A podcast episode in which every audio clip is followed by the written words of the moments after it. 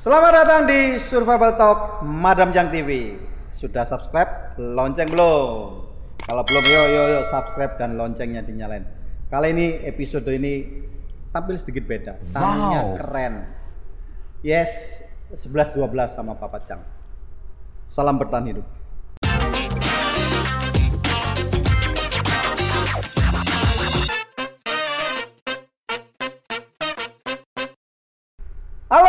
Elizabeth New Maven. Halo, Selamat Pak Datang. Thank you. Salam bertahan hidup. Ini salah satu desainer kondang dari Surabaya bahkan Indonesia yang saya kenal. Salah satunya kenapa saya mau bersahabat dengan dia karena she's very humble. Thank you, sama-sama. Apa kabar? Baik. Pertanyaan di awal nih. Enak nggak sih jadi desainer ini? Kan orang itu selalu melihatnya, wih, enak ya, glamor. Selalu terlibat dengan eh, apa ya, sosialita gitu. Sebetulnya enak nggak sih jadi fashion designer ini? Hmm, kalau saya balik pertanyaannya gimana? Ya apa? Enak nggak sih? ini loh orang hebat ditanyain malah balik tanya. Ini di 50 something episode belum pernah ada yang melakukan ini. Ayo mau tanya apa? Karena saya tanya dulu kamu jawab dulu dan kemudian kamu tanya sama saya. Ya, karena hobi pasti menyenangkan dong. Oke. Gitu. Dan menghasilkan duit ya. Menghasilkan duit pasti. Makanya double happiness. double happiness. Swangsea. ya betul. Ayo gantian silakan tanya. Ya, bagaimana dengan Anda sendiri? Rasanya membuka restoran, ketemunya dengan sosialita juga, ayo. Iya, lu lagi, lu lagi. ya, prinsipnya ya, intinya kalau saya ini berpikirnya begini. Kalau di luar sana banyak orang berbicara begini. I like do what my passion is gitu loh ya. Ya, Tapi kalau saya ini orangnya yang sangat simpel dan eh, hidup di dalam alam nyata. Saya tuh suka menekuni sesuatu yang menghasilkan. Oh ya itu pasti dong. Iya kan, hobi nomor dua bagi saya. Oke. Saya hobi video, saya hobi foto. Oke.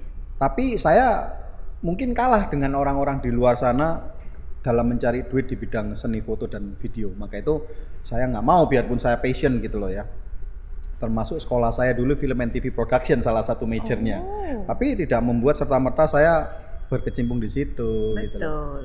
Jadi berangkatnya dari hobi dulu atau belajar dulu baru hobi atau gimana ya? Karena kan orang berangkatnya itu macam-macam. Ada yang nggak pernah sekolah fashion, tahu-tahu jadi desainer dan terkenal gitu kan ya. Betul. So, what is your story? Kalau saya sih memang dari kecil sudah suka di desain ya. Jadi dulu tuh waktu SD kan orang main-mainnya kan dengan apa namanya eh, Kain perca. Paper dolls. Oh, Paper Dolls, yes. Nah, eh, kalau saya itu paper dollsnya saya bikin sendiri. Bajunya saya gambar sendiri, saya desain sendiri, saya cutting sendiri. Wow. Jadi bermain dengan banyak variasi. Umur berapa itu bisa gunting-gunting sendiri? Hmm, SD, SD kelas 2, kelas 3. Oh, hanya orang yang SD kelas 2 megang gunting aja nggak bisa. Kalau saya SD 4 sudah bisa jahit pakai mesin jahit. Sama anak saya juga bisa. Waktu umur 4 udah saya ajarin apa eh, jahit pakai jarum tangan. Kalau Yodota itu kan karena turunan eh karena orang tuanya melakukan kesehariannya terlibat dalam fashion design lah. Iya, Kalau kamu betul. dulu waktu kecil siapa yang ngajarin? Nggak ada. Oh, jadi memang talented ya. Eh, papa saya kan memang orang kreatif juga karena bergerak di bidang ini kan eh, arsitektur, kemudian eh, perabotan. Jadi Ya, eh, mungkin ya, saya interest, ha, interest juga ya. di desain tuh mungkin dari situ. Karena saya kepingin meja apa bisa langsung dibuatin sama dia. Misalnya Oh, oh. mejanya saya mau bisa lipat, bisa dibuka, terus nanti ditutup lagi supaya rapi gitu. Bisa langsung dibikin Oh. Wow. gitu. Terus kemudian background akademis fashion di mana? Eh, saya berangkat dari Bunka School of Fashion, Apa? Bunka. Oh, di mana? Eh, ada di Jakarta, kemudian Bunka? Bunka, Oke. bahasa Jepang. Kemudian ada di LaSalle College yang di Surabaya waktu tahun 2005. Oh, Lasal Singapura di Surabaya ya. Yes. Sekarang sudah kembali ke Singapura. Oh iya. Karena mungkin peminatnya tidak banyak memang ya. Memang eh, fashion Sekolah Sebenarnya banyak, cuman kebanyakan orang-orang kan berpikir lebih baik sekolah langsung di luar negeri kan. Jadi kan eh, embel-embelnya pulang ke Indonesia kan lulusan dari luar negeri gitu. Jadi eh, kenyataannya bah- eh, bahwa banyak sekali anak-anak Surabaya, Medan, Jakarta yang akhirnya sekolahnya ya ke Australia, ke Singapura untuk jurusan mana? desain. Fen, Saya Medan. Kenapa kok nggak ke Singapura atau Malaysia aja kan lebih deket nih? Eh awalnya sih memang ya bener saya ya, berangkat kalau ke dasar Medan, ke Singapura atau ke deket- KL kan lebih dekat daripada banget. ke Jakarta atau ke. Surabaya. Deket banget. Awalnya saya ambil dulu di Jakarta itu hanya untuk ambil basicnya. Tapi kemudian eh, ternyata waktu saya perjalanan pertengahan eh, sekolah saya itu guru saya udah langsung suruh upgrade di bidang advance-nya. Jadi saya udah langsung dalam satu tahun itu menyelesaikan sampai advance. Wow. Nah waktu itu sebenarnya kepingin lanjut ke Prancis. Tapi ya itu udah dilamar. Aduh kadang-kadang ini menikah tuh hambatan karir nggak sih? Gak berani komen. ya udah, atau kan udah udah menikah berapa puluh tahun nggak apa-apa diomong. Hmm. Tapi mungkin ya banyak orang yang banyak cerita loh sebetulnya ya. Saya itu waktu itu punya A keinginan A B C D dan kemudian tidak bisa terlaksana karena ya menikah. Sudah menikah, betul. Jadi Hmm, andai kata itu kamu ke Paris, what happen? I don't know, tapi itu kan tidak dijalani, jadi lebih baik jangan ya. dipikir. Iya.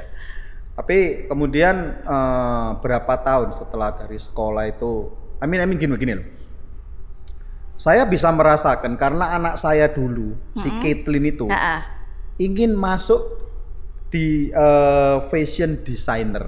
hmm, Sebagai orang tua nih, bisa-bisa mendukung aja. Tapi kan saya itu selalu berusaha berlogika dengan logika saya. hmm, Saya ngomong kalau kerja itu cari yang gampang cari duit deh, nggak usah lama-lama. Karena Ya. jadi seorang fashion designer, andai kata Yua jadi eh, seorang desainer, itu bukan satu hari kerja dapat duit loh. bener. Ya Anda datang cari model, sudah cocok, masih ngukur, fitting dan semuanya. Aduh, nggak cepet dapat duitnya. bener nggak ya? Mungkin untuk zaman sekarang pikiran itu saya setuju sih, karena saat ini lihat aja make up artis, make up 2 jam sudah 10 Dua jam juta. dapat duit 10 juta. Wow. Sedangkan desainer bikin baju ya, let's say desainer yang start baru-baru. Mereka bikin gaun 6 juta aja udah diomelin klien kan. Dan Saya itu dua minggu dari- ya, nggak ada lebih ya, kerjanya ya. lebih. Kalau uh, pemula rata-rata lebih. Jadi saya banyak dengar juga dari murid-murid ada kendalanya di situ sih. Tapi ada having fun juga uh, di desain tuh kan kita bisa Express. uh, mengekspresikan keinginan kita, apa yang kita mau, yang tidak ada di luar sana gitu. Sebelum kenal kamu Niven, Hmm. Ini saya manggilnya Aven. Namanya soalnya panjang, memang panggilannya itu ya. Iya betul. Sebelum saya kenal kamu pertama kali ini, Hmm.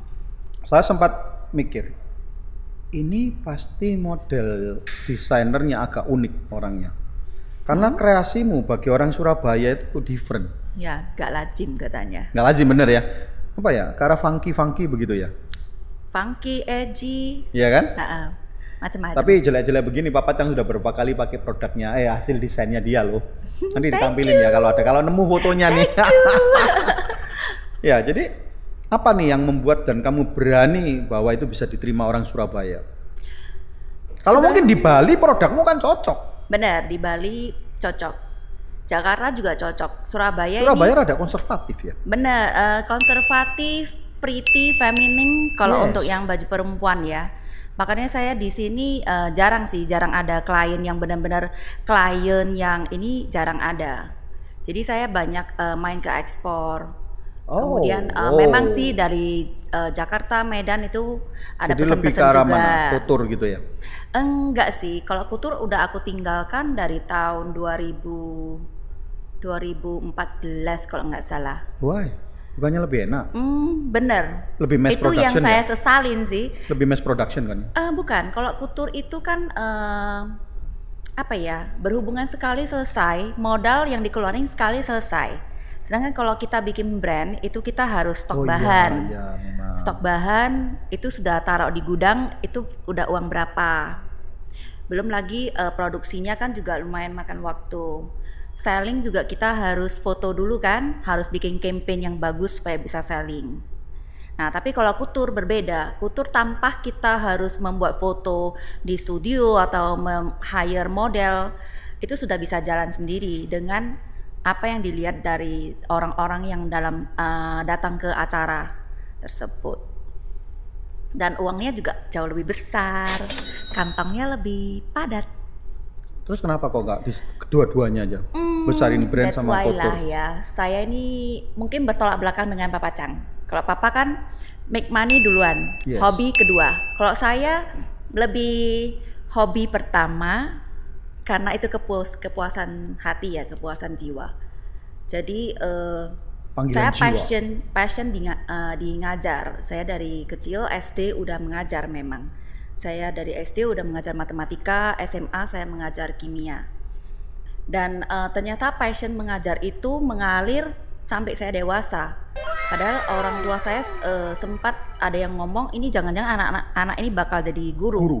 Sedangkan saya dari kecil tidak ada pemikiran pingin jadi guru. Dan ternyata benar menjadi fashion guru. Iya betul. Guru itu bukan berarti begini ya. Banyak orang yang menyalahartikan guru itu seolah-olah ngajar depan papan tulis depan kelas kan. Ya, Guru itu seorang master gitu loh ya. Hmm, ya guru itu yang bisa berbagi menurut saya Yes, ya, yes. bisa berbagi. Dan uh, waktu itu ada kendala. Guru itu bahasa Jawanya digugu lan ditiru. Oh gitu ya. Saya baru tahu. Ah ini guyon nih. Coba di Google, di Google bener nggak ya? Oh, bener ya? Iya, Oh. nanti ditulis di sini pasti penjelasannya. Sip. Jadi eh, sekarang juga lebih apa? Lebih banyak murid juga mulai. Eh, ya selama pandemi ini lebih terhalang ya karena kan eh, sekolah sebenarnya belum boleh buka. Jadi sekarang ini kita cuma terima private yang satu kelas isinya satu orang dua orang. Oke, jadi sekarang nih misalkan kalau berbicara tentang satu kutut brand and Sekolah. eh, sekolah, Hmm. mana yang income lebih besar? Kutur. Di kamu sendiri? Bisa nggak itu jalan sama-sama? Sebenarnya bisa aja, cuman sebagai seorang istri kan juga ada tanggung jawab. Ya kan? Ada ada hal-hal yang harus kita kerjakan Bagi juga. saya, Ya, tanya, eh, tanggung jawab seorang istri apa Pak Pacang? Tanya coba, coba, coba. harus di rumah. Ah enggak, ke mana apa ini? Kalau gitu orang tanya sudah orang sudah naik mobil pakai baterai baterai power bank kok masih istri di rumah. Lah Kalau ya. kamu tanya saya, tugas seorang istri ya, ya adalah memenuhi kebutuhan suami. Itu namanya tidak ada perbedaan, tidak ada benar. wanita lebih second benar. class. Ya dilema sih sebenarnya. Harus begitu dong. Masa nih ci- cita-cita perjuangan era Kartini wanita itu harus bangkit. Masa mau dibawa laki terus mau dihidupin laki terus bener nggak sih ya bener nggak? Setuju komen. Kalau nggak setuju juga komen. Jadi Ya, artinya saya kalau saya laki-laki ini, saya ini benar-benar ingin memaksimalkan, memberdayakan istri saya menjadi pribadi yang benar-benar maksimal. dan mandiri. Mandiri. Iya, betul ya. Betul sih. Itulah sosok C Panca. Iya kan? Dulu dia nggak begitu loh. Oh iya ya. Dia dulu nggak begitu. Oh saya dulu juga nggak begitu loh. Jadi Iya. sebetulnya eh, apa sih keberatannya Koko Afu ini? ah, ya karena dia bekerja, She's my saya good bekerja. friend, she's my good friend. So, saya, saya tahu banyak cerita, tapi kan dari dari sini kan tidak banyak yang bisa dibagi supaya bisa Betul. menginspirasi. Kalau Iya. pasangan hidup harus bagaimana, kalau orang punya passion bagaimana, ya Harus bisa berbagi lah. Eh, kalau sebenarnya kalau tiga-tiga dijalankan pun sebenarnya eh, agak sulit ya karena konsentrasinya kan tinggi. Apalagi berhubungan dengan edukasi gimana kita selalu harus update kurikulum kan. Kita harus selalu bisa menyiapkan eh, silabus yang bagus, handout yang benar-benar eh, bisa membantu siswa. Nah, itu yang sebenarnya takes time banget eh, dalam karir saya. Jadi kalau bisa dibilang eh, dari tiga karir yang pernah aku jalankan tuh memang paling memakan waktu saya itu adalah di teaching. Oh karena kamu ngajar sendiri ya? Saya ada ngajar sendiri di bidang kutur, kemudian ada di bisnis juga. Kalau yang di foundation tuh semua sebenarnya kita sudah ada guru yang Terus bagaimana training. kamu bagi waktunya? Apalagi ka- kalau misalnya nih, misalnya kalau tahun lalu itu kan, wih berapa banyak event yang kamu pegang ya? Surabaya Fashion Week, Iya. contohnya yang sudah menjadi agenda tahunan, Ya, ya kan? Terus belum pembukaan-pembukaan mall, ya betul. ya kan? Belum terus kamu kepingin eh, apa itu ngadain run untuk your design sendiri. Ya, Tapi kok masih ada waktu buktinya ya. ya begitulah. Terus masih bisa jalan-jalan ke Ambon sama kita. Nah itu udah curangin waktu, jadi Oh, dilemburin iya. dulu. Satu hari tidurnya tiga jam, empat jam, ya kan, demi untuk ke sana. anak pantai sudah nggak pernah jalan-jalan nih. Ayo, ayo, ayo. Jadi anak selam sekarang. Iya, saya ditinggal. Nah terus kalau sudah begitu ya apa? Jarang dong mau mau apa ya mau berbagi waktu dengan suami juga mana bisa kalau sudah hektik begitu. Iya, kalau hektik ya dia juga memilih dia hektik juga. Jadi kita benar-benar pas ya, hektik saya hektik. Makanya kenapa kita itu eh, sudah ada janjian hari Minggu benar-benar jangan terima event apa pun. Jadi hari Jumat itu adalah hari wajibnya kita berempat eh, sama anak-anak ya. Kita jalan ke mall, Di kita nonton Chang. bareng di Madam Chang. Sekarang enak loh bisa menghemat loh nontonnya survival talk Oh iya betul. sambil nonton dapat ilmu. betul betul. Eh, tapi kira-kira kalau kamu tidak punya suami seperti Ko Afu yang sabar, Mhm. ada hari ini nggak? Hmm, susah susah dibilang sih. Karena nggak punya suami yang tidak penyabar ya. iya. Karena kan dia very sabar, ngikutin, bisa Iya. mendukung. Belum bisa prediksi. Nggak tahu. Oh berarti siapa sih yang lebih galak di rumah? Itu masih tanya anak-anak sih. Rasanya pasti bukan Koko Afu deh. Hmm, nah, itu masih tanya anak-anak. Rahasia keluarga. Stop. Tapi hebat loh, artinya kembali lagi nih. Kamu kok berani akhirnya tetap this is my style, this is my creation. Eh, gini. Regardless pasar bisa terima atau enggak, ya Iya. udah. Gini, awalnya itu eh, sebelum saya eh, berangkat jadi desainer ya, kan saya menikah, saya ada bikin produksi eh, produk-produk baby. Dan sebenarnya itu Oh, yang baju-baju baby itu. eh, baju-baju baby, sepatu baby, gendongan bayi, semua Oh. macam-macam produk-produk baby dan memang Dimasukkan kita ke toko-toko baby. eh, kita ada eh, supply ke memang brand-brand nasional. Jadi saya cuma tugasnya adalah desain, kemudian eh, eh, bikin mock up sampel. Aku cuma datangin ke buyer-buyer itu. Mereka tinggal pilih, Mock up oh saya mau itu ini, jadi ini, ini. pecah modelnya itu kamu ya. Eh, eh, ya, dari pecah model sampai membuat sampel jadi Jadinya asli. ya, oke. Jadi nanti misalnya eh, brand A, oh saya mau pilih 10 model. Nanti tinggal mereka langsung masuk PO 10 model itu Bukannya A enak gitu ya? 300 persen. Ya betul. Makanya suami saya bilang gini, risiko kamu kan? itu eh, memang pinter waktu sekolah, jago matematika, tapi goblok di keuangan. ya karena itu, karena saya meninggalkan karir saya yang di situ, saya lebih memilih eh, membuka sekolah, bikin brand baju itu. Nah, brand baju itu sebenarnya untuk eh, salah satu eh, kepribadian diri saya yang saya pengen tunjukkan kepada Aktualitas diri. ya kepada masyarakat. Kemudian juga saya pengen mengajarkan ke murid-murid bahwa kita desain itu harus yang bisa mencerminkan diri kita sendiri sebagai brand ambassador supaya kita bisa menjual produk produknya kita gitu loh. Jangan plagiasi Tapi sebetulnya begini loh ya, satu tren, satu desain itu di awal itu mungkin tidak bisa diterima masyarakat. betul Tapi kalau terus kita mempropagandakan, ya toh, lama-lama kan juga jadi tren juga kan. benar jadi eh, untuk saat ini saya melihat Surabaya sudah mulai berubah sih sudah banyak Sudah mulai berani Hmm, ya. sudah banyak perempuan yang sudah berani pakai edgy, sudah berani pakai maskulin. Jadi yang nggak mesti harus berenda-renda atau kerut-kerut di sana Kayak sini. contoh nih, pada waktu kita ke Ambon ini, Ya, itu kan kan buatin apa celana bawahan itu ya. ya, Itu sebetulnya celana-celana kayak begitu. Saya cari untuk beli di Surabaya itu nggak mudah loh. Padahal saya seneng. Saya itu sebetulnya nggak terlalu nyaman pakai baju seperti ini. Saya tuh lebih seneng pakai yang lus-lus celana yang seperti kayak begitu Iya. kulot-kulot ya, kulot ya itu ya. Eh, bukan eh ya yang Iya yang kan? Saya lebih senang seperti itu tuh sepatu kelihatan ininya begitu. Saya tuh lebih seneng begitu loh. ya. Kenapa hari ini tidak berdandan begitu? Karena tidak di endorse. Pinter. ya udah kita saling mengendorse kalau Iya gitu. dong. Supaya nanti nih yang kepingin belajar menjadi seorang desainer. Jadi bukan hanya belajar bagaimana cara mendesain, tetapi tanya pengalamannya sudah banyak. Jadi desainer perusahaan terkenal sudah pernah, ya kan? Jadi so lebih tahu. Lebih tahu. Karena banyak orang sekarang ini tidak tahu bagaimana cara menghasilkan duit setelah nanti sekolah itu selesai. Bener. Dan nggak tahu eh, gimana cara menjalankannya dari awal. Ya, Betul. ya, ya, ya. Ya, eh, kalau di Pison kita berbagi justru di situnya. Namanya apa sih sekolahnya? Pison Art and Fashion Pison Foundation. PISUN. P-I-S-O-N. Dari Oke. Sungai Pison. Sungai Pison. Yes. Bukan Bison loh Oh ya. iya. P, not B.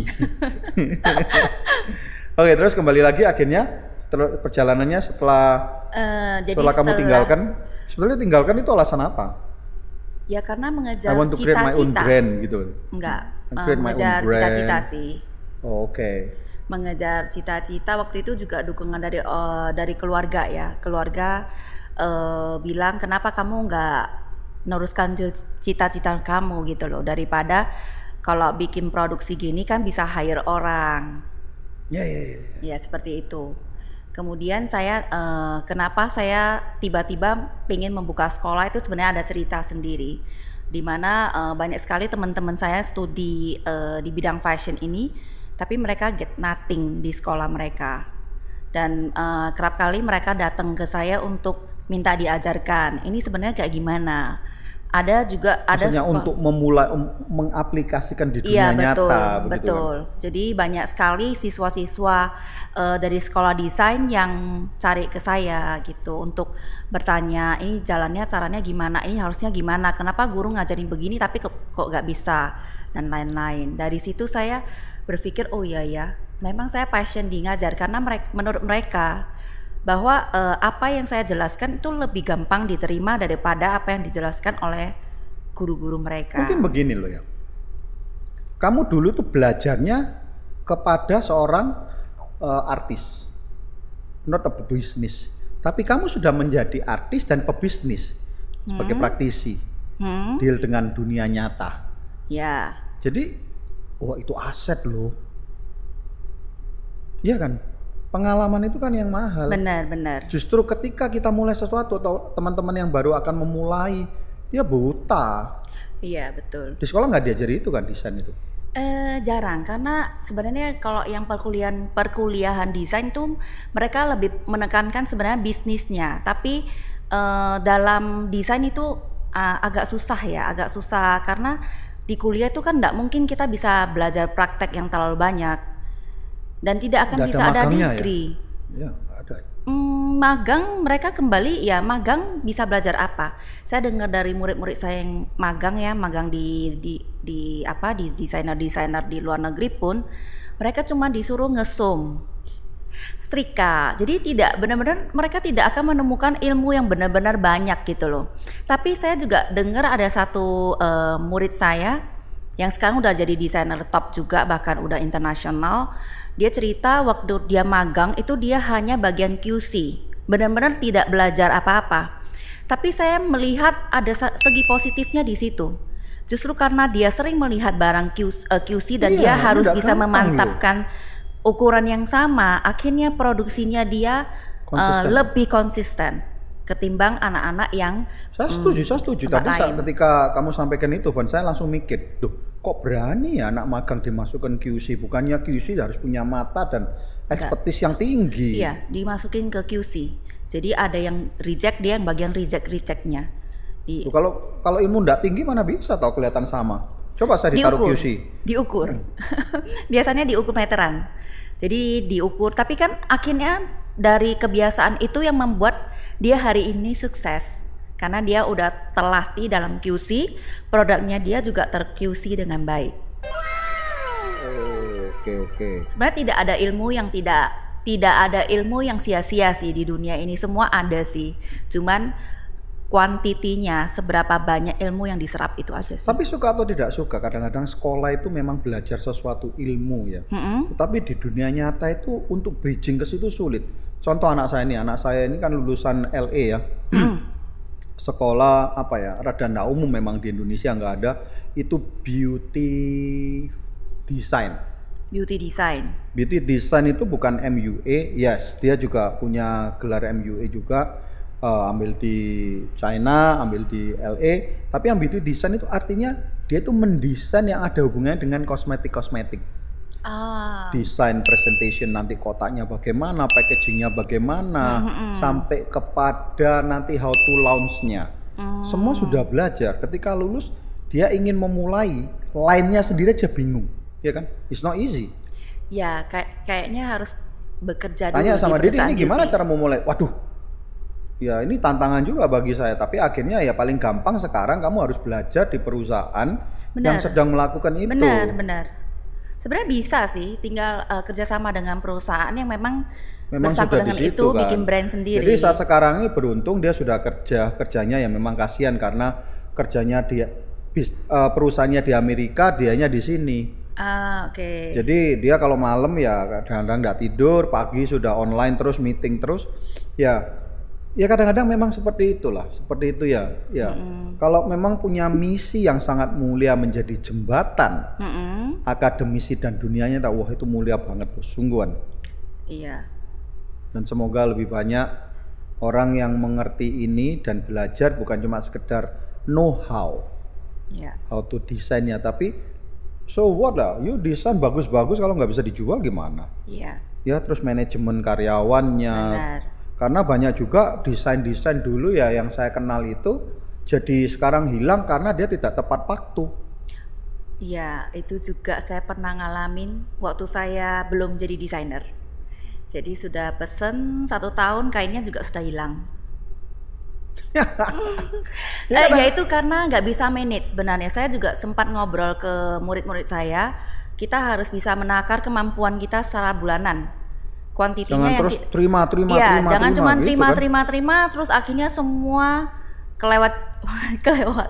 iya itu yang saya sering sampaikan kemam antara keinginan serta kemampuan itu harus seimbang Benar. siapa sih yang nggak kepingin punya customer banyak klien Benar, banyak ya benar. dan kemudian can we delivery on time Yes, itu yang penting sekali karena itu menyangkut kepercayaan customer ya.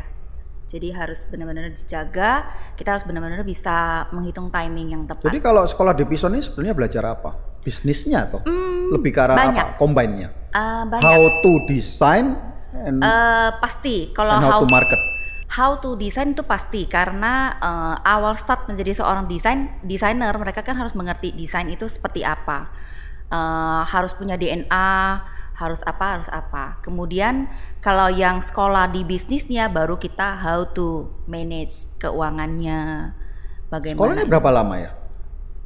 Eh, kalau yang untuk eh, total fashion yang benar-benar full lengkap itu dua tahun. Oh. Kalau yang cuman foundation itu satu tahun, ada juga yang program terbaru yang namanya fundamental, benar-benar dasar banget. Itu karena eh, kita penuhi eh, banyak sekali anak-anak Surabaya yang kepengen sekolah desain di luar negeri, kuliah, tanda petik kuliah. Tapi eh, banyak kendala di sana karena mereka belum pernah jahit, gak pernah bikin pola. Jadi benar-benar sangat ketinggalan pelajaran. Makanya kenapa di, unis, di universitas tuh banyak sekali anak-anak desain yang pelotor, hilang. Semester 1 berkurang 10 orang, semester 2 berkurang 20 orang. Kenapa ya? Karena memang kesulitan. Gini, eh, kalau kita sekolah ekonomi misalnya, atau eh, kedokteran, basicnya kita udah terima waktu kita SMP, SMA. Oh iya. Tapi kalau desain Ada tidak ada dasarnya. skill, Ha-ha, tidak ada skill itu sama sekali. Jadi bagaimana mereka bisa eh, menyerap ilmu yang tiba-tiba udah langsung loncat sana loncat sini. Oh maka itu tadi kamu bilang ada foundationnya dulu ada ya? foundation, ha-ha, ada fundamentalnya. Iya ya kita ini bisa ya biarpun sekolah Inggris atau ngeles Inggris lagi karena sebetulnya mulai kelas berapa sih sekarang sekolah itu ada Inggrisnya? Uh, dari TK ya Masa sekarang sih? ya. Dulu zaman saya nggak ada rasanya deh. Nah ya iya. Kalau sekarang dari playgroup bahkan sudah ya kayaknya ya. Anak saya Iya, dua-duanya iya, udah. Iya, sekarang playgroup semua Iya. ngomongnya Inggris. Bahkan Iya. banyak anaknya teman saya yang nggak bisa ngomong bahasa Indonesia dengan baik dan benar. Ngomongnya pakai meletot. Apa kabar uncle? Apa kabar uncle? Api. Bingung dong, Api bahasa Indonesianya aja sudah kurang bisa. Api. Oke. Anak kamu siapa yang ngajarin? Juga ikut sekolah? Hmm, ngajarin apa nih? Juga kamu masukin ke dalam sekolahmu atau gimana? Oh, kalau yang perempuan iya. Jadi dia dari umur 8 udah masuk ke Pison. Jadi kita ngajarin eh, pertama itu bikin baju-baju boneka. Umur 9 mereka sudah bisa jahit baju anak kecil, baju ukurannya mereka sendiri. Jadi memang di Pison itu kita eh, ada kelas-kelasnya.